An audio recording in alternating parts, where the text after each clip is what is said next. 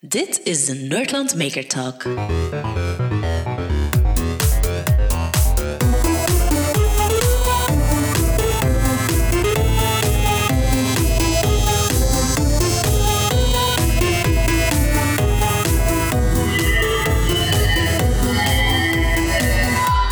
Kijk hoe, kijk hoe aflevering. Um, en het is inderdaad de eerste case van uh, de nieuwe fixer, namelijk uh. Crystal, anders moet u zelf nog heel kort even voorstellen van wat dat je doet binnen Materialize. Oké. Ja, dus ik ben Christel en ik werk als innovatiemanager bij Materialize. Ja, Materialize kennen de meesten wel uh, in Vlaanderen, een groot 3D-printbedrijf. En uh, in mijn job werk ik eigenlijk samen met allerlei uh, ingenieurs, design-ingenieurs, materiaalexperten, process-engineers. En met die experten gaan we eigenlijk allerlei bedrijven gaan helpen om productontwikkeling te doen met 3D-printen. ik ben zelf niet technisch qua achtergrond, ik ben geen ingenieur. Dus ik begeleid vooral um, de meer, ja, hoe moet ik het zeggen, de meer humane aspecten van het project. hè. Als ik dat zo mag stellen. Dus ja. um, dat, dat betekent user research doen, hè, zoals, zoals bij Team Scheiden, vooral met, met, de, met de persona's in contact gaan, de needs goed mappen. Maar ook toch wel tijdens het innovatieproces is het belangrijk als je de, de creatieve dingen hebt, die dingen gaan oplossen, dat je het innovatieproces zelf heel goed um, bewaakt. Ja, en dat je daar... Sorry, zeg maar. Nee, nee, maar eigenlijk zo een beetje wat dat, wat dat Lin doet uh, bij IMEC. Namelijk een beetje, ja. als ik misschien, misschien is dat te kort door de bocht, maar zo de, de persoon tussen langs de ene kant de klant die zijn behoeftes, die dat zijn probleem heeft. Langs de andere kant de engineers, de designers, de machines, de technologie, die dan mogelijkheden bieden om die problemen op te lossen.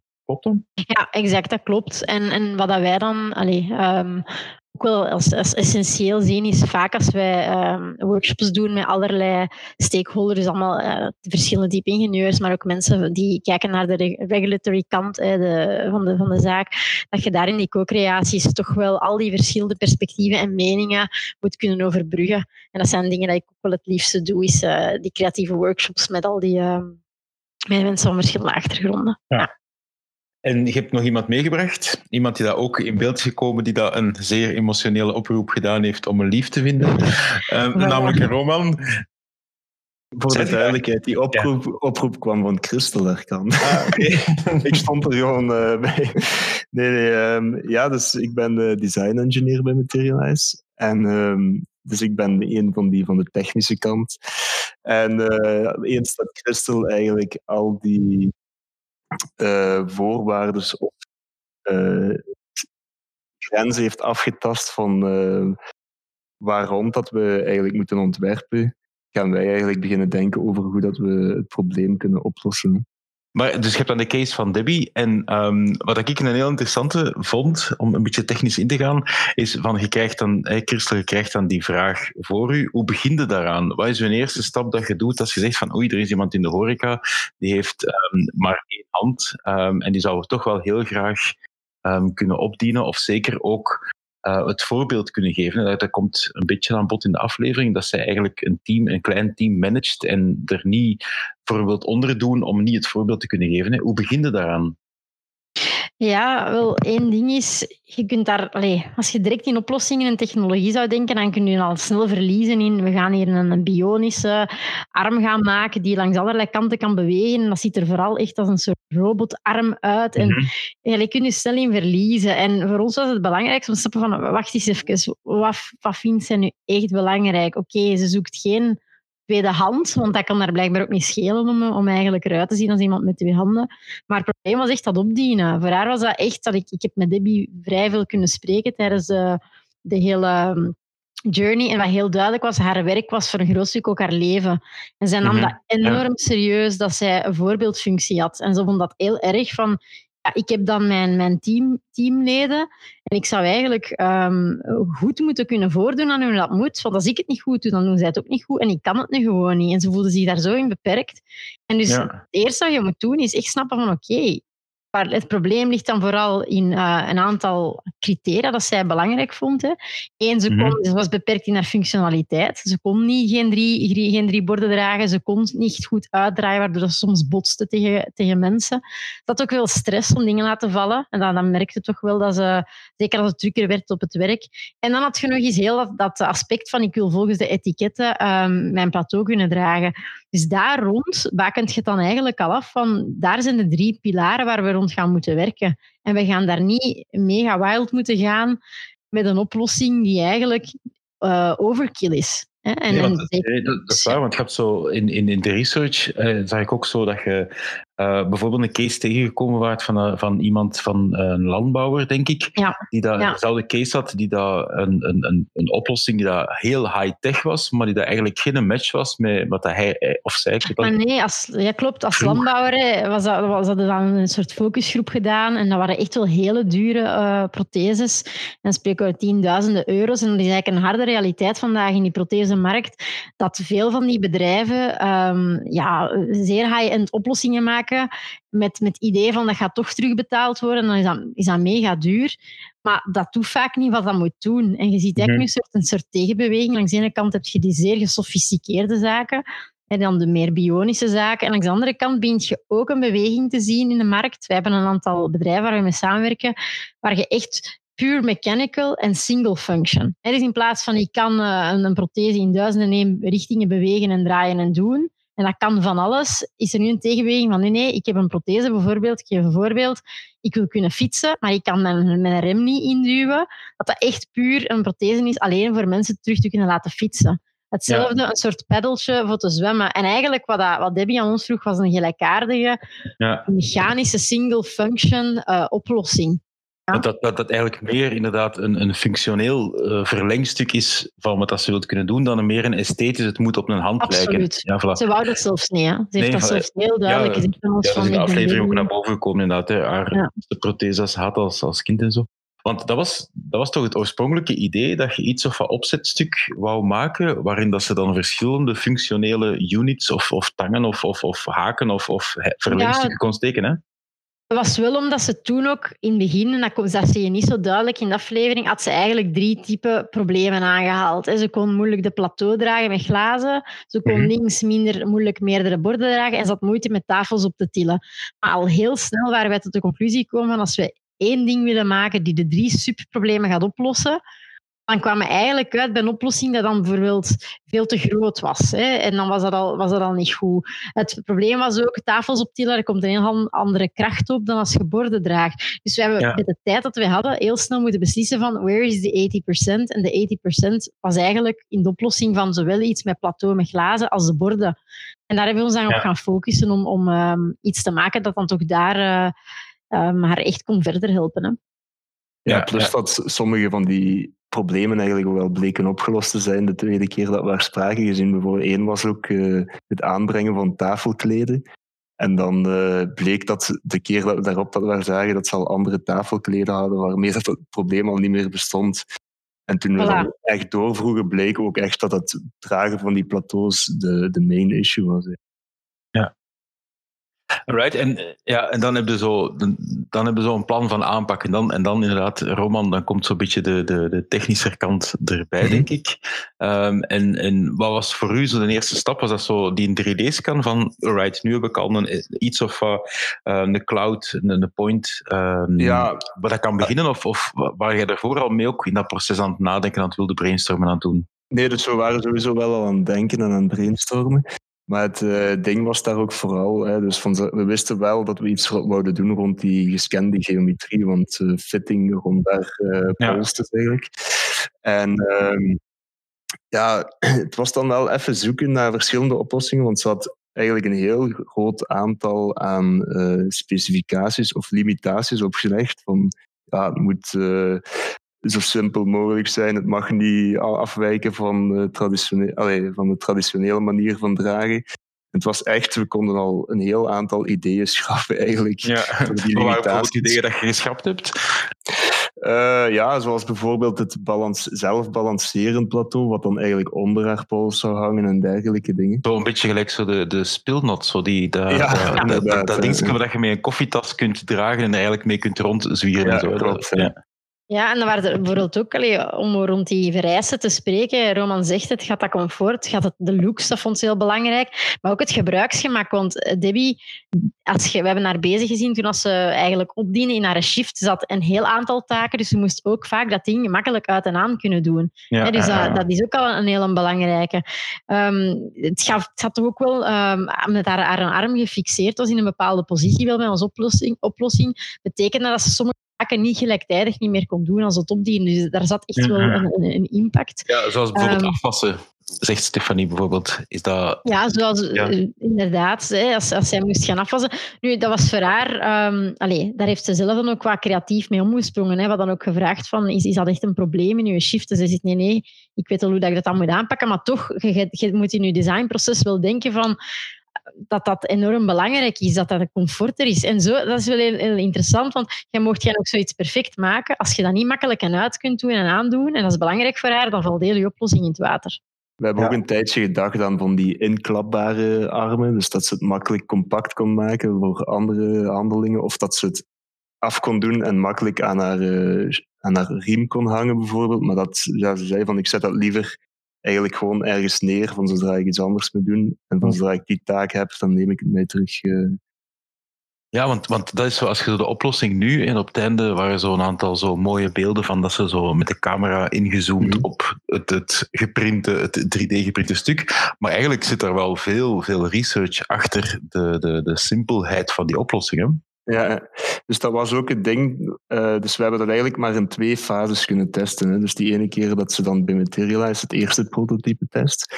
En daar was het ding dat we het eigenlijk zo eenvoudig mogelijk hebben maken. Hè. Dus zonder bepaalde instelling, puur op eh vormfit, dus fitting rond haar eh, pols. En ja, daar merkte je natuurlijk, de- enerzijds kreeg ze het moeilijk aan, bleek. En tegelijk die overdracht van de beweging van haar arm naar eh, het geprinte gedeelte, dat ging ook Mhm. een beetje schokkend. Hè, dus ja, Ja. Dat, dat maakt haar natuurlijk heel onzeker als ze dan een plateau moet dragen.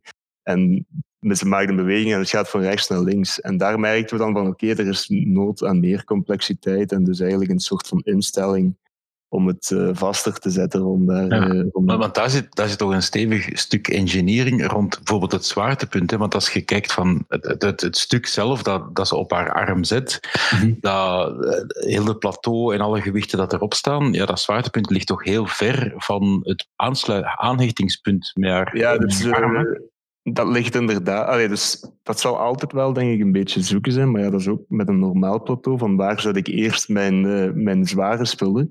Maar tegelijk Mhm. hebben we dat zwaartepunt wel recht boven haar, het aansluitpunt eigenlijk proberen houden. Dus door, Ja. die, door die armen net zo lang te maken eh, als haar andere arm, waardoor dat het midden ongeveer erboven valt en het derde punt eigenlijk op haar arm is. Maar Roman, ik herinner mij wel dat net daarom, dat, dat toen als we dan bedenken waren, dat, dat wij daarom ook wel zo veel stress hadden. Hè? Omdat wij Ja, zoiets hadden van, ja, ze zit daar toch x, x kilo op. eh, ze zit dat niet altijd in het midden. Gaat, gaat dat wel houden? Hè? Gaat dan de, de feit dat je het moest goed hechten, het moest perfect aansluiten naar een arm, zodat er geen speling was. en Zodat als zij toch... En dan merkten we dat dat vrij sensitief was. Dus en als zij een bruske beweging zou maken naar links of rechts met haar pols, ja, daar hadden we dan, hè, dat, dat, dat is wel iets waar we schrik voor hadden. De krachtdistributie, de balanceerfunctie. Dus ja, dat was wel dat, Ja. dat wij ons echt afvroegen van, is this gonna work? En daarom dat wij wel opgelucht waren we de eerste En dat keer. Ja. Grote, grote, moeilijk was, eh, grote moeilijkheid was ook dat we dat zelf niet konden testen eigenlijk. Hè. Ah, ja. We hadden dus nog wel een ander stuk kunnen maken waarmee we ongeveer eens kunnen testen, maar zoveel tijd hadden we ook niet. Dus we Ja, konden maar dat, was ik me aan, ja. dat was ik me aan het denken van, hoe testen dat? Hoe, je bereken- dat doet je hè? berekeningen? Doet je dan, heb je dan bijvoorbeeld Roman in je software dat je dan ehm, evenwichtsberekeningen kunt doen met gewichten op een bepaald punt en zwaartepunten kunt laten berekenen in, in de software dat je gebruikt? Of is het gewoon van, ja, ik vermoed dat dit goed is en hopelijk hebben we de ene keer of twee keer dat we kunnen testen en hopelijk werkt het? Mhm. Of, of Ja, dat- dus we hebben ja? wel sowieso wat gekeken naar stevigheid en plaatsing van het zwaartepunt. Als we bijvoorbeeld eh, zware stukken aan één kant zouden zetten. Maar natuurlijk blijft dat allemaal vrij theoretisch. En Hm. eh, het echte testen, ja, we konden niet weten van hoeveel zacht weefsel zit er nu eigenlijk rond daar bot. Allee, of hoe, hoe gaat dat overgedragen worden op, mm -hmm. op het 3D-print stuk. Nu, en, ja, dat klopt. Maar het is wel zo dat allez, in, in, in ons team Scheirenverhaal eh, was dat echt wel op, op, op, op common sense van Roman. Dat was ook een beetje trial and error. Maar dat klopt wel als je gaat kijken naar, als je echt gaat kijken naar uh, bedrijven die, die producten maken in series, en zelfs wij die helemaal custom implantaten maken, daar gebeuren wel krachtanalyses. Hè. Dus mm -hmm. dat, dat, klopt, daar hebben ze dus echt wel softwares voor om, om te gaan berekenen hoe dat de kracht gaat komen. Bij onze implantaten ook. Dat is meestal voor mensen waar een standaard implantaat faalt, waar mensen uh, bepaalde bot niet meer hebben of de, de, de spieren niet meer goed aansluiten. Dus daar moet je wel gaan simuleren van hoe kan ik toch in zo'n hmm. suboptimale situatie toch een implantaat gaan maken dat stevig genoeg gaat zijn om bepaalde biomechanische krachten op te vangen. Dus dat wordt wel gedaan. Hebben wij dat kunnen doen? Om heel eerlijk te zijn, nee, dat hebben we niet kunnen doen. Dus we hebben... En dus het enige, denk ik, wat ik nog wel wat geprobeerd heb om wat voeling te krijgen, is, ja, je hebt dat gezien op tv, heb mijn hand in een glas gestoken en ik heb proberen een plateau te dragen. En ik heb zo'n tripod eens omgedraaid om eens te voelen hmm. van, wat is dat nu als er iets tussen mijn hand en de plateau dat ik draag, wanneer er een tussenstuk is. En dat mhm. was echt wel, allee, dat was voor mij echt wel even van, wow, dat, dat voelt echt anders aan. Als je je vingers kunt gebruiken en je hebt daar een plateau op staan, je hebt heel veel sensitiviteit in je vingers, er zit heel veel intelligentie in je hand en je beseft dat pas als je daar iets tussen steekt. Dus iedereen zou dan een keer thuis moeten proberen om een plateau te draaien met, een, met je hand in een glas of met zo'n tripod omgedraaid en, je gaat dat echt voelen. En dan merkte inderdaad wat dat Debbie niet had. Hè. Want zij had gewoon, ja, juist voor de pols denk ik dat het was, dat haar, dat haar arm stopte. Uh, ja, al die, die fijne motoriek dat je in je vingers hebt om, om dingen bij te sturen als, als je voelt dat iets uit balans dreigt te vallen, dat had zij helemaal niet. Hè. Mm. Nee, inderdaad. De, de, de, een vraag die hier, uh, die hier ook uh, op, de, op, de, op de chat staat, er is van, kan je nu zoiets generaliseren? Je hebt nu een concept, een concept ontwikkeld. Kun je dat gemakkelijk uh, generiek maken, dat dat voor andere mensen ook zou passen? Daar, daar zit ook een beetje met de harde realiteit van, van, van de markt uh, van custom devices. In die zin van, we hebben nu iets gemaakt voor, voor iemand met die een, een, linkerhand heeft, dat allez, niet, niet volgroeid is. En daarna specifiek werkt in de horeca. Dus als je zou gaan kijken naar de populatie, uiteraard kunnen wij, kunnen wij met, met 3D-printen kunnen wij volledig custom devices maken. Hè? Dus als er morgen nog een vraag zou zijn en we hebben een design, dan kunnen wij dat printen en we kunnen dat fabriceren. Maar de realiteit is wel, als je kijkt naar bedrijven waar we werken, dat dat een grote struggle is om hun business case valabel te maken. Want nu is dat toch wel al zo dat er een heel klein procent van de populatie ledematen mist. En als je dan nog eens gaat toespitsen op één specifieke functie, ik zeg maar iets fietsen, of in horeca opdienen, dan krijg je een hele, hele kleine nichepopulatie. En de grote bedrijven vandaag die zijn vooral geïnteresseerd in, ja, ik zeg maar iets, hè, amputaties van diabetes, want dat zijn superveel, bijna honderdduizenden mensen per jaar. En dat is een beetje de moeilijkheid. Maar ik denk wel dat 3D-technologie net daar super interessant is, omdat wij eigenlijk voor kleine series, het kost, het kost ons niet meer in productie om een uniek stuk te maken. Dat is niet gelijk in massaproductie waar je eigenlijk pas je mal kunt verantwoorden als je aan de honderdduizenden stuk ziet. Dus ja, dat is, dat is heel interessant, een heel interessante case uh, voor 3D-printen um, om uh, toch aan die kleine populatie oplossingen te bieden. Ja. ja, want op zich inderdaad, je hebt, je hebt inderdaad die twee parameters wat je zegt. Aan de ene kant, waar stopt de arm, om het heel cru te zeggen, voor een bepaald persoon. En het tweede parameter is van wat wil die persoon daarmee doen. Mm -hmm. Maar ik denk dat je als je... Ik weet niet in hoeverre dat design wat je nu gemaakt hebt, in hoeverre dat, dat die twee parameters dat, dat, die aanpasbaar zijn om bijvoorbeeld voor iemand die daar een andere soort uh, ja, een andere ja, amputatie of een andere misvorming heeft aan zijn arm, dat er een nieuwe 3D-scan is en dat je je design kunt aanpassen en dat je eigenlijk die persoon ook in de horeca zou kunnen laten werken. Of voor Debbie, dat die bijvoorbeeld iets anders kan gaan doen, ook met de prothese. Ja, dan ga je hetzelfde proces door. Als iets, iets anders is een andere functie, ga je waarschijnlijk eenzelfde proces moeten doorlopen om dan weer te gaan begrijpen, oké, die specifieke handeling die jij doet, ik zeg maar terug het opdienen, ja, daar hadden we het moest hechten, daar hadden we het balansprobleem, daar hadden we het gewicht.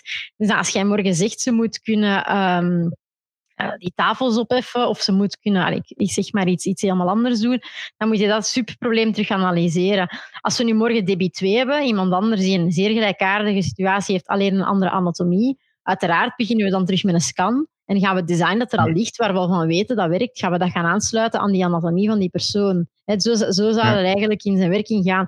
Maar laten we niet vergeten, een device op de markt brengen dat dan gecertificeerd is, want het is nog altijd wel een medisch device, dan ga je, ja, moet je ja, ik denk dat het wel een klasse 1 het is. Toch volledig uit, het is toch volledig uitwendig? Het is toch niet dat dat... Of, of is, dat, is dat wel iets wat dat gecertificeerd moet zijn? Ah, ik, ik denk sowieso dat je bepaalde certificaties moet halen. Maar, maar, meer in de, in een maker-concept uh, zou je uh, zoiets kunnen uh, beschikbaar stellen waar mensen dan bijvoorbeeld een soort van hulpstukje voor hun eigen arm moeten gaan 3D-printen, dat ze dan kunnen ja, onder jullie uh, toestel gebruiken of zo. Dat ze zelf wel moeten op zoek gaan naar iets dat hem de juiste fit maakt bij hun. Dat ze daar bijvoorbeeld iets, iets van uh, mm -hmm. of verder kunnen werken of zo. Ja, ik denk dat de maker community in die niche enorm veel kan betekenen. Echt waar, omdat dat is, er is een gap. Er is duidelijk een gap tussen wat er commercieel available is en wat er met 3D mogelijk is. Dus ik denk dat dat wel een hele mooie... En je ziet dat ook, hè, die, die kleinere bedrijven die nu met ons, bij ons langskomen, die dingen voor skiën en sporten maken, dat zijn allemaal eigenlijk heel, heel kleine bedrijfjes. Ook gestart vanuit, denk ik, uh, meer maker-mindset, hoor. Ja, want wat op zich inderdaad, Maarten haalt van de maker community. En zo in de research van deze case hebben we ook tegengekomen in, in Groot-Brittannië, denk ik iemand, ook toevallig iemand met één arm maar, die dat zelf een redelijk universeel design had gemaakt om uh, 3D-geprinte handen te kunnen maken, die dat eigenlijk op het moment dat je elleboog bewoog open en dicht gingen gaan. En die dat eigenlijk ja, buiten de grootte en de kleur, dat waren een beetje de parameters die aanpasbaar waren, maar die dat, wel en masse aan het printen was en dat er heel veel mensen dat dan opgepikt hebben en zo verder. Dus ja, is dat zoiets niet wat dat, wat dat op basis van het huidige design dat jullie gemaakt hebben, dat dat misschien ook um, aanpasbaar is richting maker community? Of, of is het complexer dan wat ik nu voorstel? Ja, op zich zijn er wel al een aantal van die oplossingen, dus vooral voor dan handen na te doen. Maar meestal gaat het mm. inderdaad over een enkele beweging weer. En meestal dan dus ook één bepaalde functie. Ja. Uh, allee, dus met een hand kun je uiteraard wel meer, maar door die ene beweging zit je weer beperkt natuurlijk. En in dit geval hebben we natuurlijk heel specifiek kunnen werken naar die taak en dus ook alles heel mooi kunnen integreren. Terwijl als men zoiets zou moeten doen voor ja, een grotere massa, moet er een soort van automatisatie komen waarin uh, gescand wordt in eerste, in eerste instantie. Dus er zouden al scanpunten moeten zijn ergens waar dat de persoon zijn uh, ja, geamputeerde arm bijvoorbeeld kan scannen. En dan moet er een soort van ja, systeem zijn of automatisatie om dan telkens dat daarop aan te passen. Hè, de geometrie. Dat kan op zich wel allemaal, maar het is mm een veel complexer gegeven dan. Uh... Ja. Je gaat werken met parametrisatie. Als je kijkt naar wat we bij de brillen hebben gedaan, en dus eigenlijk, dat is, dat, mensen worden gescand in de optiek. En we hebben een aantal designs van brillen die dan door designers getekend zijn. En op basis van die scan van die gezichten um, gaat die een bril zich gaan aanpassen uh, op basis van een aantal parameters op het gezicht. Hè. Dus bijvoorbeeld de, de, de, afstand van de, de pupillen, et cetera. En dan gaat die een bril eigenlijk rond die parameters gemorfd worden. Wel nog altijd met boundary constraints, want het is wel nog altijd de bedoeling dat een bril zijn, zijn design behoudt. Hè. Dus voor sommige mensen met een bepaald gezicht was die bril dan gewoon niet available. Omdat, dat niet, uh, omdat ja, het te, ja. te, veel zou moeten rekken, bijvoorbeeld. Omdat het te lelijk ging worden. Te lelijk ging worden. En datzelfde wat wij bij de, bij de skiboots hebben gedaan. Hè. Custom skiboots, dat is ook gescante voet en dat wordt dan aangepast. Dat kan, maar laten we, dat is waar we vaak toch wel beseffen dat zo'n automatisatie bedrijven ook vaak daar pas voor gaan gaan wanneer er een, een soort minimumvolume is waar het voor nodig is. Anders kun je best echt wel gewoon op, case per case werken. Als tien mensen per, per jaar zijn, dan kun je echt beter gewoon en met die personen gaan kijken, oké, wat zijn nu noden? Eh, hoe kunnen we daar het design gaan aanpassen? En inderdaad, het voorbeeld van Debbie was nu echt wel op, op haar anatomie, op één specifieke taak. Uh, dat, was niet met, dat was niet een kliksysteem of zo, waar je van zegt, je hebt een soort standaard deel dat modulair is en dan een ander deel dat customized is. Daar hebben we nu niet voor gewerkt. Maar ik denk wel, allee, als we morgen zouden zeggen, eh, let's, let's take on the challenge, dat je daar zeker wel iets, iets kunt, uh, kunt betekenen. Maar dan zouden we moeten starten met voor welke groep mensen kunnen we op welke activiteit of welke sport of welke um, ja, activiteit moeten we eigenlijk gaan focussen. En daar begint het ja. ook wel mee. Ik heb hier trouwens, ik weet niet of ik dat mag posten in de groep, maar ik vond dat wel interessant. Um, dat is zo een bedrijfje. En die maken eigenlijk ook allemaal zo speciale protheses voor sport, maar dan dat is niet 3D-print. Dat is echt gemaakt ja, op meer traditionele wijze. Maar ik vond dat wel heel tof, want die je moet eens naar die gamma kijken. Die hebben echt eh, iets voor te zwemmen, iets voor te vissen, iets voor te, Ah, ja. te drummen zelfs. Allee, het, het blijft maar komen. Hè. Ik vind Ja. het wel echt grappig En- en, en- ik vraag me wel af. Ja. En als je spreekt over traditionele wijze, is dat dan gekantkost of zo? Of is dat... Nee, en laat maar. Ehm, alright.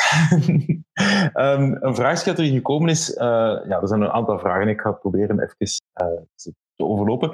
Ehm, de scanner die jullie gebruikt hebben voor de, voor de, voor de hand van, van Debbie, als ik me goed voor heb, dan was dat eigenlijk een, een scanner die ze gebruikt om voeten te scannen. Maar de vraag is hier, ehm, kunnen jullie ook een full body scan doen? Bij Materialize. Eh, ja, op zich zou dat kunnen, maar wij bieden dat eigenlijk niet aan eh, op dit moment. Die- nee, maar het is, allee, eigenlijk is het is zo. Hè. Dat was inderdaad een voetscan. Dan hebben wij bijvoorbeeld een hele, hele high-end scanner ontwikkeld voor eh, ja, super accuraat gezichten te scannen. Mhm. Dus we hebben een heel scannerteam eigenlijk, daar komt het op neer. En zodra dat wij voelen van er zijn applicaties mogelijk, en ik- full body, als er morgen een applicatie nodig zou zijn waar een full body, dan is het maar gewoon een kwestie van die modules die we nu op het gezicht hebben ge- eh, geënt, om die te gaan eigenlijk multipliceren in een ruimte te zetten, zodat je eigenlijk een 360-scan kunt gaan doen. Dus dat, die stap naar die oplossing is heel klein. Voorlopig hebben we dat nog niet gedaan, omdat wij nog geen enkele applicatie hebben gezien voor 3D-printen waar dat we daarvoor nodig hebben. Maar alle know-how en ik zeg maar alle, ja, alle camerasystemen dat we nu hebben, daar zit een heel team op om die competentie eigenlijk. Want het is wel interessant voor het brillenproject. ehm zijn, is Matilda is eerst gewoon buiten, gaan, buiten het bedrijf gaan kijken hè, van wie, wie, welke bedrijven zijn gespecialiseerd in 3D-scannen. Maar dan bleek dat wij voor brillen zo'n hoge accuraatheid nodig hadden in de scan, dat we eigenlijk, ehm, dat we eigenlijk zelf gaan ontwikkelen zijn. En daar hebben we dan eigenlijk heel die competentie in opgebouwd. Ehm, Er is nu natuurlijk ook een enorme groei in, in eenvoudige scanners die zelfs al in eh, gsm's komen Mhm. eh, of in tablets, maar daar is het op het moment nog niet zo ver geëvolueerd dat dat heel precies is. Want het is nu meestal vooral een mooie foto op een nogal wazige 3D, eh, 3D-file. Dus Daar was ik me aan het afvragen, want bijvoorbeeld zo de, de, de, duurdere, de duurste modellen van, van iPhone en van, van gezichtsherkennende telefoons, ja, daar zit niet alleen, die pakt niet alleen een foto natuurlijk, maar die Mhm. pakt ook via LiDAR, er zit zelfs LiDAR-technologie in die dat echt de, de, een 3D-scan van je gezicht gaat doen. In hoeverre is dat bruikbaar om, om, een, 3, of om een accuraat genoeg een 3D-scan van iets te pakken? Ja, dus dat hangt echt wel een beetje af van de toepassing, zou ik zeggen. Dus als het echt kleine details zijn, dan is dat nog eh, ja, niet precies genoeg. Maar er zijn natuurlijk dingen zoals bijvoorbeeld eh, een algemene vorm van een hoofd of een eh, hand, zal ik maar zeggen. Dat is ehm, wel op, in zekere zin al, eh, al eh, heel erg geëvolueerd. Ja, want je hebt langs de ene kant die, die, die, die lasers dat effectief afstanden gaan detecteren. Mhm. En een ander stuk daarvan is gelijk fotometrie bijvoorbeeld, die daar op basis van... Fotogrammetrie, denk ik. fotogrammetrie, ja. Fotogrammetrie, inderdaad, die daar op basis van verschillende foto's vanuit verschillende hoeken... En Dat, hebben wij gebruikt ook. Hè. Ja, Eh, ja. gebruiken we, ja, we, hebben, we hebben op basis... Allee, wij, ik bedoel, met die Materialize hebben we een team dat daar helemaal rond ontwikkeld heeft. Want nogmaals, voor die brillen is dat echt wel ja, heel accuraat. Er komt heel veel data uit. Mhm. En, dan- en het is pas door die data te hebben dat wij ook een hele eh, per- geparametriseerd engineering hebben kunnen doen. Hè. En tot heel goede, accurate 3D-modellen te komen. Net daarom is Materialize, zoals ik zei, echt wel bij een aantal bedrijven langs geweest.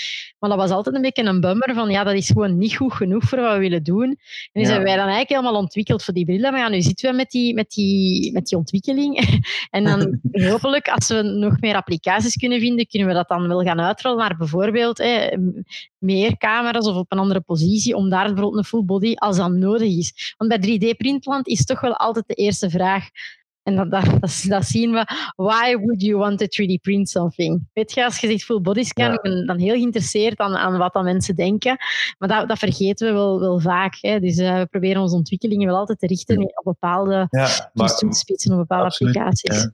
maar als ik nu persoonlijk, eh, zo, zelf als maker, en dan gaan er waarschijnlijk nog anderen die dat er ook naar luisteren, Mhm. daar ook geïnteresseerd zijn, wat ik bijvoorbeeld heel interessant zou vinden van hey, why would would you 3D print it, is kleine, simpele dingen kunnen heel snel scannen en Mhm. daarna printen. Bijvoorbeeld, er breekt een stukje plastic van een toestel dat ik heb af. ehm, dat ik op een manier dat zou kunnen scannen, zou kunnen vergelijken. Ik ben heel idealistisch en heel, heel ehm, utopisch misschien aan het denken, maar dat je dat zou kunnen scannen, zou kunnen vergelijken met een basis STL of een 3D-object, wat dat een normale vorm is, daar het verschil tussen berekenen en dan dat stuk printen en dat dan gewoon terug vastlijmen. Zodanig dat ik mijn object, mijn koffiekan of whatever dat, dat is wat mm is afgebroken, dat ik dat kan herstellen. Zijn we daar? Of, of, of kan dat? Of wat heb ik daarvoor nodig om dat te kunnen doen?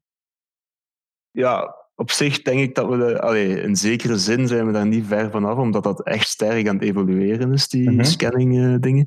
Maar om ja, dan te zeggen van je gaat even je koffiekan scannen en dan eh, direct een nieuwe printen. Ja, er zit nog uh, op het moment zeker wel een zekere manuele vorm van werken. Ja, maar, maar, ja, ik geloof wel sowieso dat, dat, dat we daar de komende jaren zeker allee, heel veel vernieuwende dingen gaan zien. Of, bijvoorbeeld, ja, bijvoorbeeld kleine poppetjes. Hè. Ik bedoel, mijn dochter is heel erg fan van go-go's. Voor de mensen die het niet kennen, dat zijn zo van die kleine plastieke dingetjes die je mee moet omverknikkeren. Nou, er hangen wat spelletjes aan. Maar dat is twee jaar geleden is dat gestopt. En je vindt online vinden wel heel veel van die dingen. Maar in die end is dat gewoon plastic. Dus eigenlijk denk ik van, oh, geef mij die STL-file en ik print dat wel in mijn 3D-printer. Mhm. Maar blijkbaar is dat copyright protected en al die nest. Ja, ja. Ik wil er geen geld mee verdienen, maar ik wil gewoon mijn dochter gelukkig maken. Gelijk de elke ja, Maar ik, ik denk dat je het zelf zegt. Hè. Ik denk hangt, daarom dat dat zo, zo belangrijk is als, als je naar 3D-geprinte applicaties kijkt, dat je die, die critical requirements vindt. Als jij nu een, een hulpstukje wilt printen voor een device in je huis, dan maakt dat op zich... Allez, niet zoveel uit of dat die scan mega accuraat is. Dat maakt misschien op zich niet zoveel uit wat de surface quality is van je, van uw, van uw uh, product. Maar als je dan bijvoorbeeld denkt aan, um, ik zeg maar iets, slaapapnee-maskers die je op maat wilt mm -hmm. maken, omdat die niet goed aanfitten, ja, daar wordt het dan ineens wel heel cruciaal dat je ja. heel accuraat op je gezicht kunt zitten.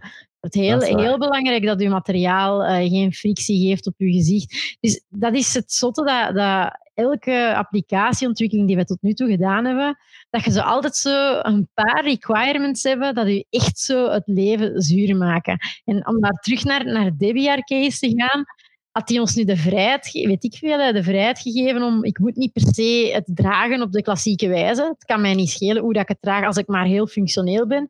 Hadden wij natuurlijk veel meer eh, speelruimte gehad. Dat was nee, nee, nee, nee, ik moet dat makkelijk kunnen uitdoen, dat moet heel discreet zijn en het moet vooral zo kunnen dragen in die hoek. En, en voilà, en dan was het van oké, ja, daar zitten we dan, los het maar eens op binnen die, die, die beperkte space dat je dan krijgt. Ja, en, dat om, ja, om nu terug naar Debbie te gaan, inderdaad, van wat dat, wat dat heel vaak in de twee seizoenen van Team Scheire altijd terugkomt, is de vraag van mensen die dat een moeilijkheid hebben of een beperking hebben die willen eigenlijk niet meer dan normaal zijn. Meer dan dingen kunnen die anderen wel kunnen. En inderdaad, liefst zo weinig mogelijk opvallen.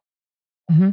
Dan heb je inderdaad die requirement dat je niet met een of ander groot toestel of met een of andere spilnotachtige draagconstructie, maar dat je gewoon een verlengstuk arm doet, wat dat eigenlijk verstopt onder dat plateau zit. Ja, en dat zie je in die andere aflevering van Team Scheren ook heel goed bij Lien, bij de vorige. Van dat je dan zo ineens, ik weet niet hoeveel belachelijk strenge voorwaarden hebt, omdat je in OK komt, in het operatiekwartier. En dat je dan beseft, ja, als je een device zou willen ontwikkelen of 3D-printen, dan mocht je maar bij één type materiaal uitkomen, hè, omdat dat dan uh, allez, zou voldoen. Um, en dan moet je het heel makkelijk kunnen afkuisen en steriliseren. We hebben nogal wat problemen met porositeit als je een gediende printstuk hebt. Ja, dat is als nooit als, Nee, dus als dat, als dat dan vuil wordt, ja, daar gaat je materiaal. Dus we moesten al aan metaal denken. Snap je? Mm -hmm. En zo, zo is dat constant eigenlijk dat wij moeten zo, uh, ja, tussen die, al die vereisten toch een gaatje vinden om, dan, om daar dan een, eigenlijk een vrij complexe puzzel in op te lossen. En het leuke is wel dat je soms wel een aantal constraints, dat je denkt, lap, ons materiaal voldoet niet, het is niet sterk genoeg of dat, dat je met design dan toch kunt ervoor zorgen dat een bepaalde combinatie van, van materiaal en printtechnologie toch wel va valide wordt. Omdat je het zo gedesigned hebt dat je er wel sterkte hebt ingestoken. Kijk maar naar de case van Debbie. Wat heeft Roman gedaan om die twee armjes nog meer kracht te geven? Als je in het mhm. device gaat kijken, hij heeft daar een honeycomb structuur in gezet. Ah, ja, zodat het materiaal, ook al is dat, misschien dat is nog altijd maar plastiek, dat geeft dat extra kracht, mechanische kracht, omdat je, omdat je het slim designt eigenlijk. Hè. Ja, of, of om de vergelijking te maken, om, om nog een extra voorbeeld te geven, sorry, uh, het vorige seizoen, zo de helm van, uh, ik ben de naam van het jongetje kwijt. Jaro. Jaro, inderdaad, de helm van Jaro. De eerste keer, de eerste keer dat in beeld kwam, denk ik dat er was, dat is ook zo 3D-print, maar een 3D-print die omwille van de structuur, ik ook zo, het was geen honeycomb, maar zo een, een, een, ja, een, een rasterstructuur, die ja, perfect indrukbaar was, terwijl eigenlijk het materiaal hard was, maar door het feit dat het gewoon in, in uh, een hele lege structuur geprint was, dat het ja, dat je met je design bepaalde requirements kunt matchen. Mm -hmm. Maar misschien is het wel interessant. Sorry, ja. ja, misschien is het wel interessant om even uh, op de aflevering van vorige week, waar je inderdaad, Christel ook, uh, je Materialize zeker, maar ook een, een zekere bijdrage geleverd hebt aan, aan de mhm. oplossing voor het ziekenhuis. Wat hebben jullie mhm. daar gedaan? Wat was daar juist heel specifiek de vraag die dat Lin en uh, haar team naar jullie bracht? Ja, eigenlijk zat het daar zo dat ze in een, ziek, in een operatiekwartier, ja, eigenlijk alle toestellen dat je daar zet, die, die moeten uh, makkelijk kunnen ontsmet worden. Die moeten aan bepaalde um, ja, vereisten voldoen. En dus je hebt ook gezien dat ze dan bepaalde projector heeft gekozen dat al sowieso gecertificeerd was. Dat was gemakkelijk. Maar er mhm. waren een heel aantal andere componentjes, de Raspberry Pi en ik weet niet meer van buiten wat er nog allemaal uh, ja, nodig was. De minicomputer, twee luidsprekers, een versterker. Voilà. En ja, we hebben niks te fancy daar gedaan, maar al die dingen moesten wel in een, in een cover komen, die dan uh, een soort casing komen, die dan wel voldeed. En die casing hebben wij dan eigenlijk helpen designen, zodat dat, uh, al die componenten mooi daar, daar goed samen in pasten. En hebben we geproduceerd in, in een materiaal dat dan ook uh, voldeed aan de, aan de vereisten. En dat is eigenlijk wat wij... En mocht geen metaal zijn, want in die ruimte uh, als ik me niet vergis, zou er te veel uh, interferentie geweest zijn met andere toestellen. Ja, dus het gemaakt er komt natuurlijk uh, het voordeel van de vormvrijheid en het snel, mogelijk, het snel kunnen produceren van een, van een stuk naar boven. Hè. Dus we konden al die stukken makkelijk assembleren door overal voorzieningen te maken voor het vastmaken van die Raspberry Pi, die kabelgeleiders en alles. eigenlijk in één stuk ontwerpen en printen en dat was op, ik weet niet hoe lang, een week of twee. Ja, was dat klaar, hè? Dus... Ja, alright. Ja, kijk goed. Hè. Dus uh, dat was wel cool dat je dan inderdaad wel de vrijheid kreeg daar. Dat je dan toch de requirements van het operatiepapier pakt. Goed, um, ja, heel cool. Heel, heel erg bedankt voor uh, de extra uitleg, Roman en Christel. Um, voilà, blijf nog even hier, want er is nog een andere ja. um, fixer, maker, whatever, Maarten. Hallo. Zijt je er nog? Ik ben er nog. Alright, kijk hoe. Ja, sorry, we even hierop ingewijd. De reden daarvoor was ook wel van dat we, eh, Maarten, we hebben al een keer een gesprek gehad met ons yes. en uh, rond de technische dingen van, um, van Tati Sound en over het verschil tussen DB en DBA en zo van die dingen. Um, wat dat super interessant was, dat is een andere maker talk van een paar maanden geleden.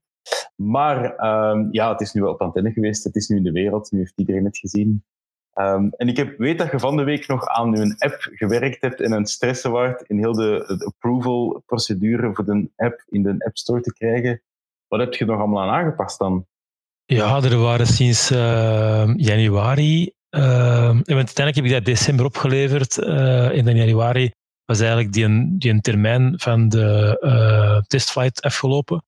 En dan heb ik nog zo wat dingen aangepast. Maar dan uh, was nu een, nog weer een termijn over uh, weg en dan wou ik dat in de volledige App Store krijgen. Maar dan waren er weer een aantal nieuwe regeltjes van Apple, waar je een aantal libraries die ik gebruikte en die mocht gebruiken. En dat uh, ja, moest ik dus oplossen.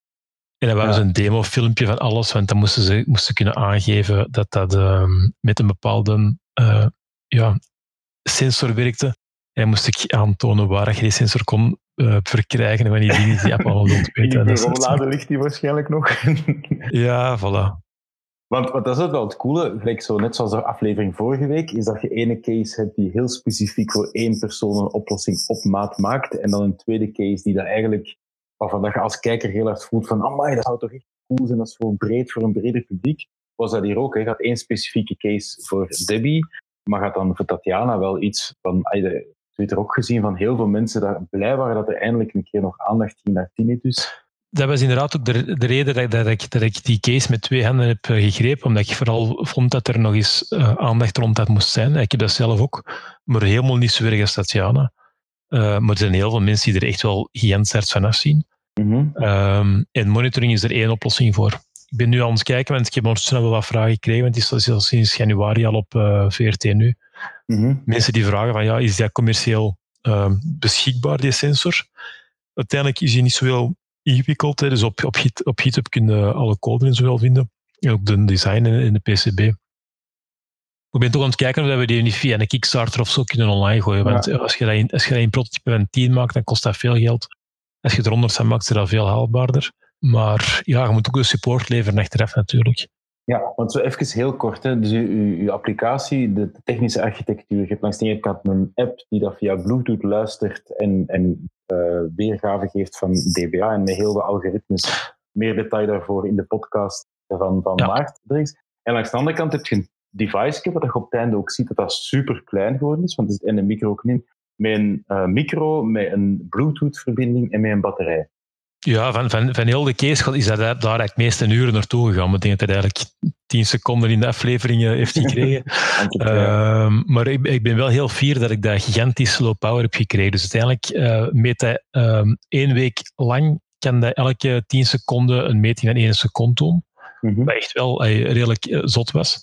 Uh, en dat gaat eigenlijk continu, dus de, de, de meten, dat is gecalibreerd, uh, heeft een afwijking van 1 dB. Uh, en dat gaat eigenlijk de, de waarde bijhouden, gaat hij ook timestampen. En dan op het moment dat hij data kan sturen, gaat hij die data doorsturen naar de smartphone. En dat was eigenlijk echt wel een uitdaging. Je hebt duizenden, je hebt een Bluetooth. Het is allemaal gemakkelijk als je een sensor hebt, je synchroniseert die met je, met je smartphone en dan komt die data binnen. Maar dan zijn er duizenden manieren. Hè. Je kunt weggaan met je smartphone, die verbinding er niet meer is. Dan moet je die automatisch terugvinden. Uh, en zo zijn er keiveel, keiveel dingen die er kunnen tussenkomen. En het waren zo die duizenden combinaties die echt wel heel veel uh, ja, moeite waren. En ik ben ook geen app-developer. Hè. Uh, dus dat zijn ook zo dingen die, die, die... Nee, nee, nee, dat is mijn ding niet. Uh, ik heb dat nu wel moeten doen, uiteraard. En dat is ding dat het nog wel redelijk goed gelukt is. Ja. Maar ja, dat moest dan ook... Ja, zeker geen iPhone-developer. Dat was ik helemaal al niet. Dus ik heb een iPhone gekocht speciaal ja. voor die case te kunnen oplossen. Ja, uh, ja. Want eigenlijk de, de, de technologie, of, of meer, meer bepaald de wetenschap dat erachter zit, is dat je een bepaald aantal dB of dBA, je moet me maar corrigeren, ik ben nog altijd de kluts tussen die twee, dat je een bepaalde um, dosis aan volume, om het zo te noemen, per uur of per week of per dag kunt, kunt hebben. En dat gaat in de app gaan registreren. Hè? Ja, klopt. Maar om even de kerel te antwoorden uh, in de chat, nee, nee, met mijn eigen geld. Mijn eigen echt geld en zelfs niet mijn belastingsgeld. Nee, nee, het ging uh, over dus, de aankoop van de uh, iPhone, ja. ja, dat ging over de aankoop van de iPhone, ja, inderdaad. Nee, dus inderdaad, uh, die, dat, dat, dat, dat, moet geregistreerd worden. Nu ben ik even uw vraag kwijt. Ah, maar dus de, de, de, de wetenschap daarachter, die, die, ja, die, die hoeveelheid, dat, dat debiet, dat, ligt, dat is onderzoek. Dat is, dat is dat wordt eigenlijk, we, we, we hebben inderdaad uh, waardes genomen die door de Wereldgezondheidsorganisatie worden aangeraden eigenlijk. Hè. Mm uh, en dat moet uiteraard geëikt worden. Vandaar ook dat, dat ik die bepaalde micro, uh, microfoon ook wou gebruiken en niet de gewoon ene die ook gekalibreerd is in het lab. Maar dan uiteraard door uw, door uw behuizing en zo verder heeft er ook nog een impact. Dat is ook ineens een antwoord op een aantal vragen die ik zag verschijnen van ja, waarom niet gewoon een, een, smart, die, die, die, een smartwatch? Als je in een festival staat, de geluidssterkte rond je arm of je hand is totaal anders dan rond je oor bijvoorbeeld. En dat je bovenuit... Ja, het probleem met smartwatch was met de Samsung Galaxy Watch, is dat die gelimiteerd was tot een x aantal dBA. Hè? Ja, dus inderdaad, daar, eh, die is, die is, ik gebruik die zelf ook. Ik heb de eerste app daar helemaal gebruikt. Ik dacht echt van, ik, ik heb twee cases, hè. die andere komt binnen twee weken. En ik dacht van, de deze ja. app afwerken, dat zie, ik voor, dat zie ik zo zitten. En ik dacht van, op anderhalve maand is die gedaan. Uh, totdat ik dus inderdaad door had dat die microfoon eigenlijk uh, gemaakt was, ja, die is gemaakt voor spraak. Die is gemaakt om met te babbelen. Dus die is niet gemaakt om, om boven de 80 dB te gaan. We hebben contact gehad met Samsung. En die hadden dan beloofd om, uh, er ging een nieuwe versie komen in september, die dat wel komt. Dus even daarop gewacht. Ja. 19 inderdaad, ja. uh, maar dat bleek dan ook niet het geval te zijn. Uh, en dan moest ik eigenlijk het piste 1 die ik had bekeken, namelijk een eigen wearable bouwen, moest ik daar toch mee starten. Dat is eigenlijk een piste die ik niet wou doen, maar ik weet van ja, vanaf dat je een eigen PCB's begint te bouwen en elektronica en software begint te schrijven, dan weet je gewoon niet wanneer het gedaan gaat zijn. Dat ik ben toch moeten doen. Uh, wat leerrijk was, daar niet van. Uh, ik heb heel veel geleerd over hoe dat zo'n MEMS-microfoon in elkaar zit. Ook op de GitHub trouwens, ik kan het nu niet helemaal uh, uitleggen nu, maar op de GitHub uh, staat ook heel de uitleg van hoe ga je, kom je nu van wat is geluid? Hoe ga je van die geluidsdrukverandering? hoe ga je naar een meting? Waarom DBA? Waarom logaritmes? al die soort zaken staan er allemaal in uitgeschreven. Ja, super interessant daar uitgeschreven. En dus nog een keer verwijzen naar de podcast dat ik met Maarten al een keer heb opgenomen daarover. Wat ik wel interessant vind, is van... Eh, Team Scherm is dan eenmaal opgenomen en dan wordt het dan uitgesteld uh, door Canvas en zo verder. Maar dan wordt deze aflevering wel uh, mee online beschikbaar gesteld, omdat, eh, een aantal mensen hebben het ook aangehaald, in de Apple Watch, die uh, niet gelijk de Samsung Galaxy Smartwatch, maar Smartwatch, maar, maar de Apple Watch, um, die meet, de micro daarin meet wel meer dan die 80 dB of dBA. Dus eigenlijk, als je langs de ene kant, Apple heeft al een device Langs de andere kant, die algoritmes, algoritmes niet, maar wel de metingen en het debiet is wel door de Wereldgezondheidsorganisatie beschikbaar. Waarom doen zij dat? Maken zij geen app eigenlijk ervoor? Ja, dus uh, inderdaad, uh, halverwege de, de, de, de, de, oplossing die we het bouwen waren, kwam toen ook die app uit. En we doen het direct ook voorgelegd bij uh, Bert Vink, die hem eigenlijk begeleid heeft. Want ja, ik, ik ken niks van, van oren en ik ken niks van tinnitus, behalve dat ik zelf de piep heb, maar ik ken er niks van. Dus hij heeft uiteraard gezegd van, dat is wel nuttig, dat is niet nuttig. Uh, ik ben ook maar alleen maar de elektronicus die het dan kan ontwikkelen. uh, en dat is het leuke, je moet samenwerken met mensen die iets van kennen. Um, en hij zei ook van, ja, die, die focussen heel erg naar die, naar die maximale piek. En die houden eigenlijk geen rekening met die normen van de WHO. -hmm. uh, dat zijn ze er later wel gaan doen. Uh, maar het bleef daar heel moeilijk. We waren niet meer in controle met daar juist werd, werd, werd, uh, werd weergegeven. En dat was eigenlijk een beetje de reden om dan toch ons eigen traject verder te blijven lopen. Ten eerste waren we al te ver in traject om het nog te veranderen. Maar ook gewoon omdat we echt wel in controle waren, waar we 100% zeker zijn dat de data die we aanleverden, dat dat correct is. Want als jij er 6 dB naast ziet, ja, 6 dB dat is vier keer te veel geluid. Dat is gigantisch. Absoluut, ja, dat is een logaritmische schaal. Ja, is dat voilà. 10 dB of 9 dB, dat is niet eentje meer, dat is echt dubbel zoveel bijna. Ja. ja, en dan uh, een vraag die ik nog zeg, van, hey, ik heb ondertussen ook wel wat mails binnengekregen nu, uh, van ja, waar kan ik dat kopen? Uh, dus ja, ik kan kijken wat via een Kickstarter of zo, dat er misschien ja. dat, dat wel kan, ik weet niet juist, ik moet dat eens bekijken. Ja, een aantal andere, onder andere Stefanie en nog zelfs een aantal andere mensen, die willen daar ook heel graag zo, niet alleen audio, maar zo meer andere sensorische input ook daarbij steken. Hè? Omdat ze, het, het verhaal, zo het zijtraject dat we gedaan hebben samen met Lin, ja. ja hoe visualiseer je dat nu? Die, die visieuze cirkel. Hè? Langs de ene kant tinnitus is iets in je hersenen, een fout signaal dat overgeïnterpreteerd wordt, waardoor dat je die piep hoort. Maar dat is heel stressgevoelig, hè? want je krijgt daardoor meer stress. Maar meer stress levert ook op dat je dat geluid nog meer gaat horen. Dus is een hele grote factor om te meten van als je minder stress hebt, heb je in principe minder last van tinnitus. Um, dus je zou eigenlijk alles kunnen openberekenen en, en, niet alleen geluid, maar ook hartslag en nog andere sensorische input meten om tot één device te komen dat eigenlijk... Ja, maar dan zit je ook weer met het probleem dat je die dingen typisch om de, om de arm wilt gaan meten, terwijl je eigenlijk het geluid zo dicht mogelijk bij de oren wilt gaan meten natuurlijk. Ja. Uh, en bijvoorbeeld, uh, ten eerste ook die stressniveau, dat is echt wel een gigantisch onderzoek dat ze kon doen zijn om echt van die parameters naar stress te gaan. Mm -hmm. Dat is ja. geen evidente.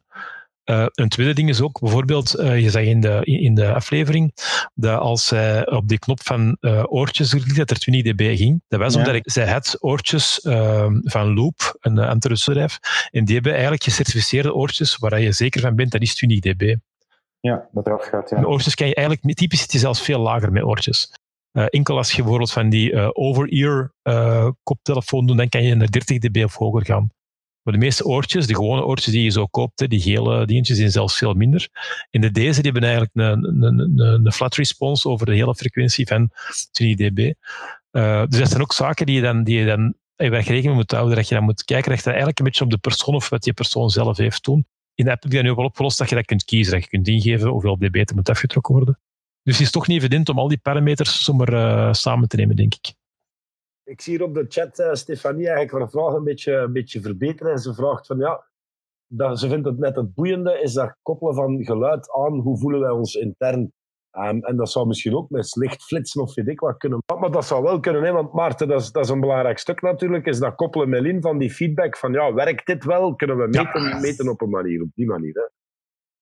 Ja, inderdaad. En dat hebben we zeker nu gedaan hè, voor, die, uh, voor het te valideren. Uh, dat is ook niet, dat ook niet evident. Hè, er zijn zoveel externe parameters die uh, stress en andere zaken ook gaan beïnvloeden. Dus dat moet zelf ook. eigenlijk moet dat op heel lange termijn gaan meten.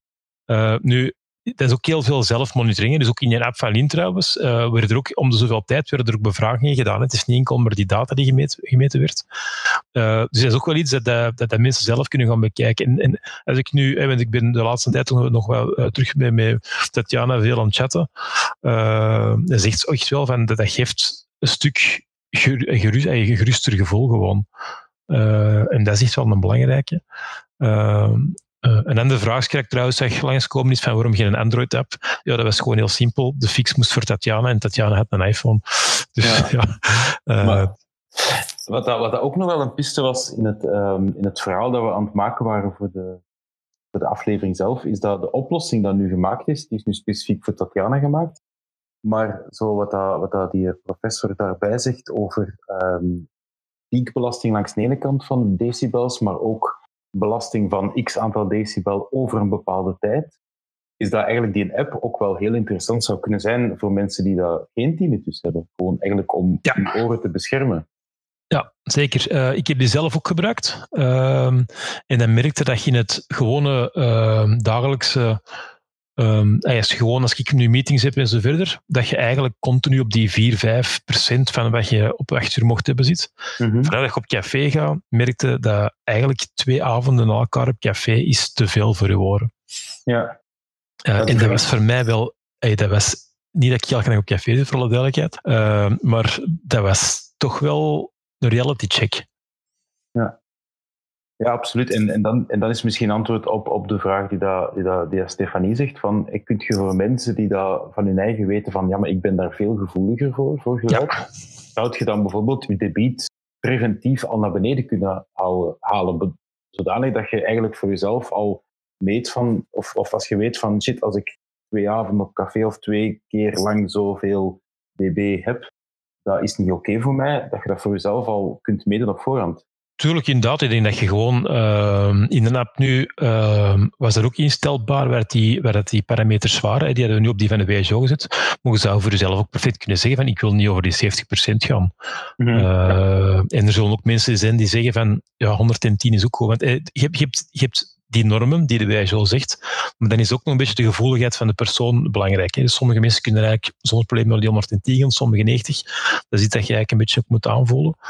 Uh, op een gegeven moment zegt iemand dat ook, uh, dat komt niet in de uitzending denk ik, maar ja, die, die hey, tinnitus is uiteraard, hè, zijn, zijn, die, zijn die haartjes die uiteindelijk uh, niet helemaal meer doen wat ze willen. En ik weet niet, Kurt, dat jij het zelf was, dat professor Vink was iets zei, maar eigenlijk moeten dat zien als, als als er af en toe mensen overlopen, dat is geen probleem, die komen wel terug. Ja, maar als er ineens, als er ineens uh, uh, een koeie olifanten overlopen, ja, dan hebben die haartjes een tijd niet meer om terug recht te komen, bijvoorbeeld. Maar die haartjes, die hebben ook, eh, voor elk, elke persoon is dat ook een beetje anders. Dat is ook niet helemaal dat dat voor iedereen die enorm is. Dus dat is inderdaad, dat ga je sowieso moeten kijken, wat dat nu puur naar het niets is, wat inderdaad gewoon er sensory input is. Er is uiteraard ook eens dat kan. Ja, nee, dat is waar. Ik denk dat, maar Anthony had er net iets gezegd. Ik hoor nu precies zo heel zachtjes en ik denk dat ik u. Uh, ja, nee, nee, nee, hoor. Ja, ja, nee, ik was, ik was er zelf ook aan het denken, want jij zegt nu twee keer een avond op café gaan was al te luid. Maar hoeveel volume krijg je dan op zo'n festival te verwerken? Want we spreken acht keer acht uren 80 decibel, maar op een festival, hoeveel decibel is de limiet dan? Ja, ik, weet, ik weet ze niet meer van buiten. Dat is een nadeel van een opname die al een jaar geleden is. Uh, maar er waren, dat zijn normen tussen de 100, uh, in de 96 en de 94 dB, denk ik ongeveer, afhankelijk van de grootte van het festival en hoeveel mensen. Uh, en op een gegeven moment, uh, dat zie je niet in de uitzending, maar op een gegeven moment zeg je bij uh, Tatjana, dat zie je wel, dat die serieus naar boven aan het gaan was. En toen hebben we echt een bericht naar, naar Tatjana gestuurd van je moet nu je oortjes insteken of je gaat er los over. Uh, en dan heeft hij die inderdaad ingestoken en dan zeg je dat terug naar beneden gaan. Dus als je dat niet doet, dan ben je daarna, zeker de warmste week waar je vier, vijf uur bent, dan ga je er heel snel over als jij altijd voor, uh, voor dat podium staat. Ja, maar dat was ook de conclusie een beetje van Dr. Vink, is dat uh, festivals eigenlijk dat je, dat je zeker als bezoeker daarvan voor jezelf rustperiodes moest inlassen. Ja. Niet alleen sowieso niet die piekbelasting helemaal van voor aan het podium gaan staan. Hè. Vergelijk het met de, de haartjes, met de grasprietjes. Als er ineens twintig olifanten op springen, is het kapot, sowieso. Maar als je van achter staat en je hoort zeven uur lang de tijd een bepaald volume, dat is alsof er de hele tijd mensen over een grasveld aan het wandelen zijn. Ja, op een bepaald moment heeft dat gras ook niet meer de kans om terug recht te staan. En dat gras is eigenlijk net hetzelfde als de, de trilhaartjes in je oren. Ja, en, en dat is inderdaad ook... eh, nu hoor ik ook een continue piepje in mijn oren eh, als we dit, gesprek aan het doen zijn. En ja, toen ik DJ was, dat is al meer dan 15 jaar geleden, maar toen waren er nog veel minder regels naar hoeveel dB er moest zijn. Dan stond het geluid zo hard, maar dan moest als DJ een monitor vlak naast de oor zetten eh, en zo hard mogelijk om te zorgen dat je het geluid via die monitor direct hoorde en niet via de echo dat via de, het zaal kwam. Eh, ja, wat compleet absurd was. Hè. Eh, je hebt nu DJ's die, die kunnen draaien, ehm, mits- en die hebben zelfs oortjes aan, omdat die kwaliteit, er is zoveel meer aandacht naar gegaan naar dat, naar dat probleem dan, eh, dan het vroeger was. Ja, ik, zie, ik zie een paar mensen op de, op de chat ook reageren van eh, festival, café, optreden. Wat was dat? Ja, was wel een beetje, het was wel een beetje spijtig om nu natuurlijk naar de aflevering Ja. te kijken. Hè. Het was Dat is zo, nostalgie. oh, festivals en oh, Ja. waar was de tijd van knuffelen en dansen en zo. Ja. Nee, inderdaad, dat is een, no- een nostalgische aflevering. ja, Ja, ja dat, dat, blijft, dat blijft raar, gewoon in het algemeen, om nu naar tv te kijken en zo reeksen of, of fictie of, of opnames te zien en mensen dicht bij elkaar te zien staan. Hè? Ja, en de, maar hey, het leuke was ook aan die, aan die aflevering, ehm, die oplevering ehm, bij de warmste week, dat was ook toen wij daar met de warmste makerspace Ja, ja. met z'n allen zaten. Dus dat was ook nog een super toffe moment dat wij met alle makers van eh, Team Scheire samen nog eh, absurd veel cases aan het fixen waren op eh, twee dagen. Ja. Eh, dus hey, voor, mij betekent die aflevering nog wel veel meer dan enkel die fix, want dat was ook gewoon een heel Dat is waar, toffe ja. Ja, ik weet nog dat jij helemaal in paniek was dat zij, dat zij lawaai aan het maken was en dat ze in een luide omgeving zaten. Dat je dacht van, is die nog nuchter? Ja, inderdaad, dat was toen. De, en trouwens, Kurt, we hebben daar niet over gepro- gepraat eh, tijdens de vorige opname, vorige week. Eh, maar ik heb ook genoten van de intro die jij meegemaakt hebt. Hè. Ah ja, dat is Eh, juist. Ja, ja, ja. Ah, ja, misschien even daar, want Christel, ik weet niet of ze nog is of zo, maar die uiteraard expert. Ja, die is er nog, eh, die is er nog. 3D-printing. Ja, ik ben hier nog. Ja, ja. Ah, ja, ja. De- Ja, dat is zo, dat is zo ja, een, een klein verschilletje tegenover het eerste seizoen is dat we nu een, goeie, een, een deftige intro hebben, een generiek. Dat is Nee, wel eh, vet. Ik heb mijn eigen kop hier nog altijd staan op mijn kast. hè. Dankzij jou. Ja. Sorry daarvoor. Nee, nee, dat is dat is grappig. Ah, wel, maar vorige week inderdaad met Anthony. Hè, Anthony zijn hoofd laten ronddraaien op een eh, oscilloscoop.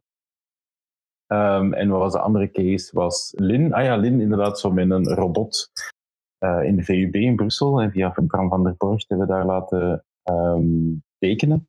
En dan nu Maarten. Ja, er bestaat een PCB van uw hoofd. Hè?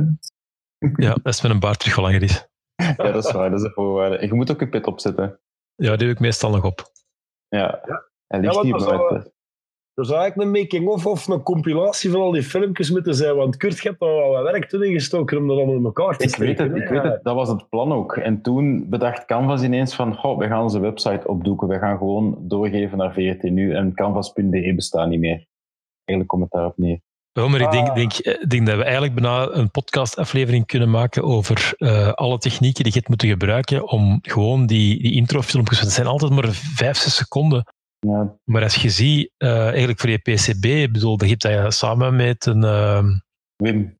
met de Wim inderdaad, dat was Wim van online, maar nu niet meer, denk ik. Ja, heb je eh, heb je dat- heb dat ontworpen, dus dat is een PCB-ontwerper, dat is die bestukken en zo verder. Eh, voor al die dingen, ook, ik weet dat, je, dat we veel gebeld hebben toen dat je die oscilloscoop, dat je dat wou doen. Uh, zijn ook bij Ah, ja. mensen moeten te raden gaan, hoe moeten dat doen en dingen en dat. En gewoon, ja, was vooral op zoek naar een oscilloscoop, naar een XI-oscilloscoop. Ja, inderdaad. Ja. de UA ge- Ik had er op een gegeven moment dat ik er drie kon ik nog kiezen, ook welke dat ik ging gebruiken. Ja. Dus dat is dan ook wel cool. En er komen er nog cool in de komende afleveringen, dat is ook wel een plezante. Ja, ja, ja. Alright. Ehm, ja, Stefanie die blijft maar gaan over het meten van andere sensorische input dan, dan geluid. En ja, als je dat de juiste sensoren en je kunt die eiken, dan denk ik dat dat zeker gaat. Ook met licht. Ah, wel, Maar dat- ja, als maar een keer Maarten of Antonie, een keer is daar uw licht over. Aha. no pun intended, laten schijnen. Ik, ik, uh, maar we gaan dat binnenkort publiek maken, maar met, uh, met Jasna zijn, ben ik een nieuw project aan het doen, uh, Opera on Brainwaves, mm -hmm. waarin dat we gaan eigenlijk even terug vanaf scratch gaan kijken naar het concept dat zij al langer doen. Um, rond, rond hoe meten uh, emoties van personen. We gaan even vanaf scratch gewoon volledig beginnen van, ja, kunnen we niet andere dingen ook meten? Ademhaling en zo verder. En hoe gaan we dat overbrengen met anders? Hoe kunnen bijvoorbeeld de rust van iemand uh, door een bepaalde ademhaling ook doorgeven door anderen? En heel dat stuk gaan we herbekijken. Dus dat gaat echt over emoties meten, emoties doorgeven, emoties overbrengen aan anderen, uh, zowel door actuatoren als sensoren. Uh, dus dat zit er zeker altijd in. Uh, dus in een ander project zit ik ook nog rond nudging. Hè. Hoe gaan we dan eigenlijk uh, mensen daarin helpen om, om bijvoorbeeld terug rustig te maken of te zenuwen? Dus ik ben er zeker nog mee bezig uh, vanuit mijn onderzoek dan. Right. En, en is dat dan, denkt u dat dat op korte of middellange termijn haalbaar is dat, dat net zoals die micro dat je nu voor Tatjana gemaakt hebt, dat dat in een of andere wearable in te bouwen is en dan te kalibreren is zodanig dat mensen ook met een app um, hun dosis aan sensorische input van een dag zouden kunnen bijhouden, bijvoorbeeld. Ja, daar, hey, dat is uiteraard omdat het dan heel linkt is om, om iets jas naartoe gaat het dan vooral in kledij ingewerkt worden. Waar we nu vooral aan het kijken zijn naar bepaalde uh, stukken rond, uh, rond de nek bijvoorbeeld. Uh, maar inderdaad, dat is wel de bedoeling. en en een van mijn doctoraalstudenten is nu vooral bezig met hoe kunnen inderdaad via een app allemaal gewoon loggen. Ik ben zelf heel erg aan het zoeken naar hoe kunnen we ene kleine, ultra kleine wearable maken die we implanten in het borstbeen. Maar dat is een beetje future eh, story.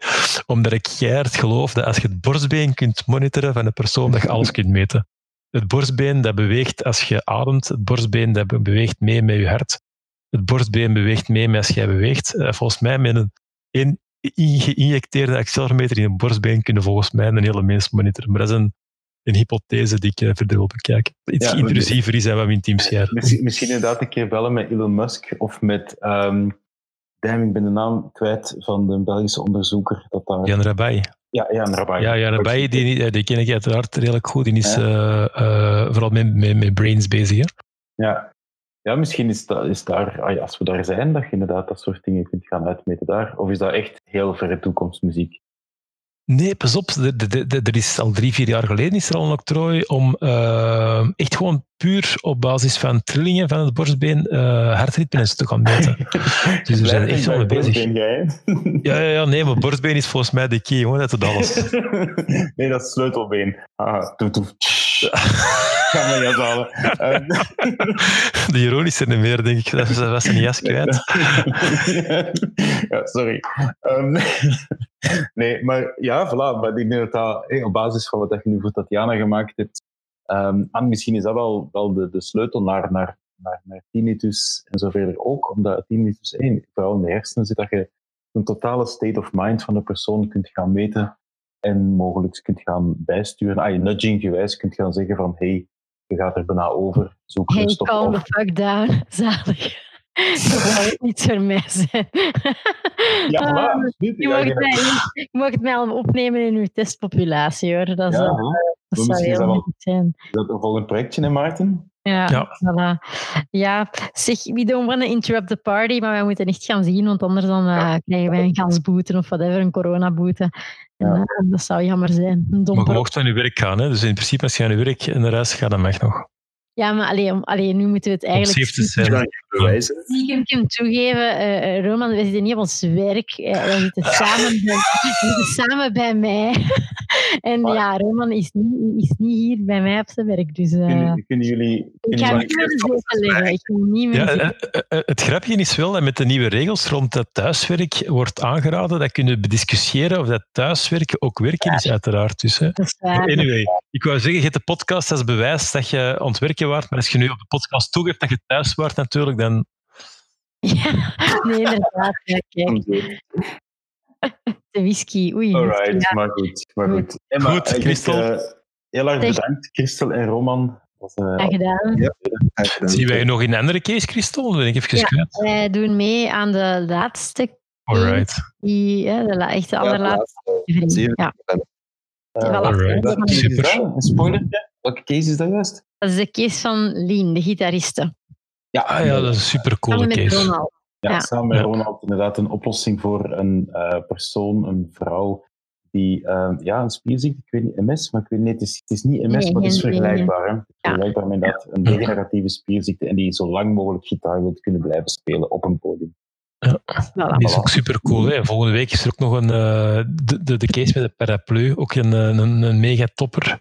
Ja, Ronald met zijn motorkjes. hè. Ja, wel. Ja, voilà. ja. Hij vindt dat niet zo leuk als we hem altijd herleiden tot zijn motor natuurlijk, maar hij Nee, is wel is een op dat vlak. Dat is, dat is hetgeen dat Katrien ja. volgende week doet eh, rond eh, de begeleiding van die blinden op de, de, de lijn, heb ik ook een beetje mee geholpen. Dat, dat was ook geen simpel case voor haar. Absoluut, ja. Dat, zijn heel complexe, dat is ook een hele complexe case om uit te Ja. leggen aan een publiek van wat de moeilijkheid is. Ja, ik denk dat ook. Eh, Ik denk dat dat, dat bij alle, als ik het zo bekeken heb van afstand, ja, allemaal echt wel een grote challenge waren. Hè. En bij allemaal is het wel goed dat nu die podcast er is, omdat je toch heel veel zaken eigenlijk had willen meer uitleggen of zo. En daar is dan niet altijd ruimte voor. Dus dat is wel, wel zalig dat, eh, ja, dat in dit gesprek dan ehm, dat allemaal kan uit toegelicht worden. Hè.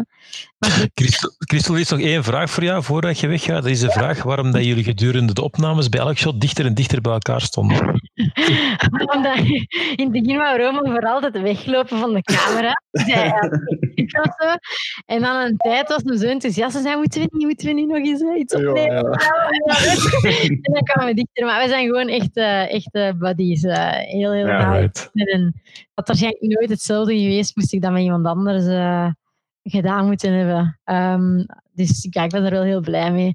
En dus, ja, voilà. Lange uren, maar samen was dat niet erg. Altijd plezant. Voilà. Dat is, En eh, staat er iets voor de ladies? Ah ja, nee, ik dacht dat dat voor Roma was.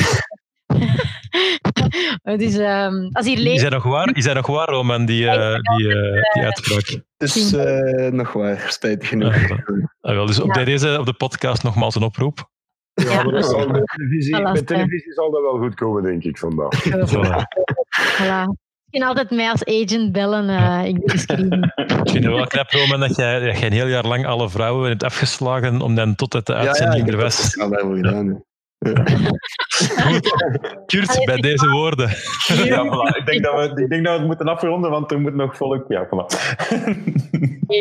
Dat lukt dus, hè. Eh, bedankt, hè. tot de volgende keer. Ja, Ja, voilà, Ja. Kurt, gaan we gewoon de podcast afsluiten. Ik denk dat we, ja, dat we de meeste vragen gedaan hebben. Ik denk dat rond, rond mijn case gaan we nog veel, zijn we veel dieper nog gegaan op de andere podcast eh, van Mhm. eh, Nerdland Maker Talk. Dus daar is er nog veel meer info. En als er andere vragen zijn nog, zeker hier online, kunnen ze mensen mij altijd wel via de, eh, een Discord bereiken of via Twitter of whatever.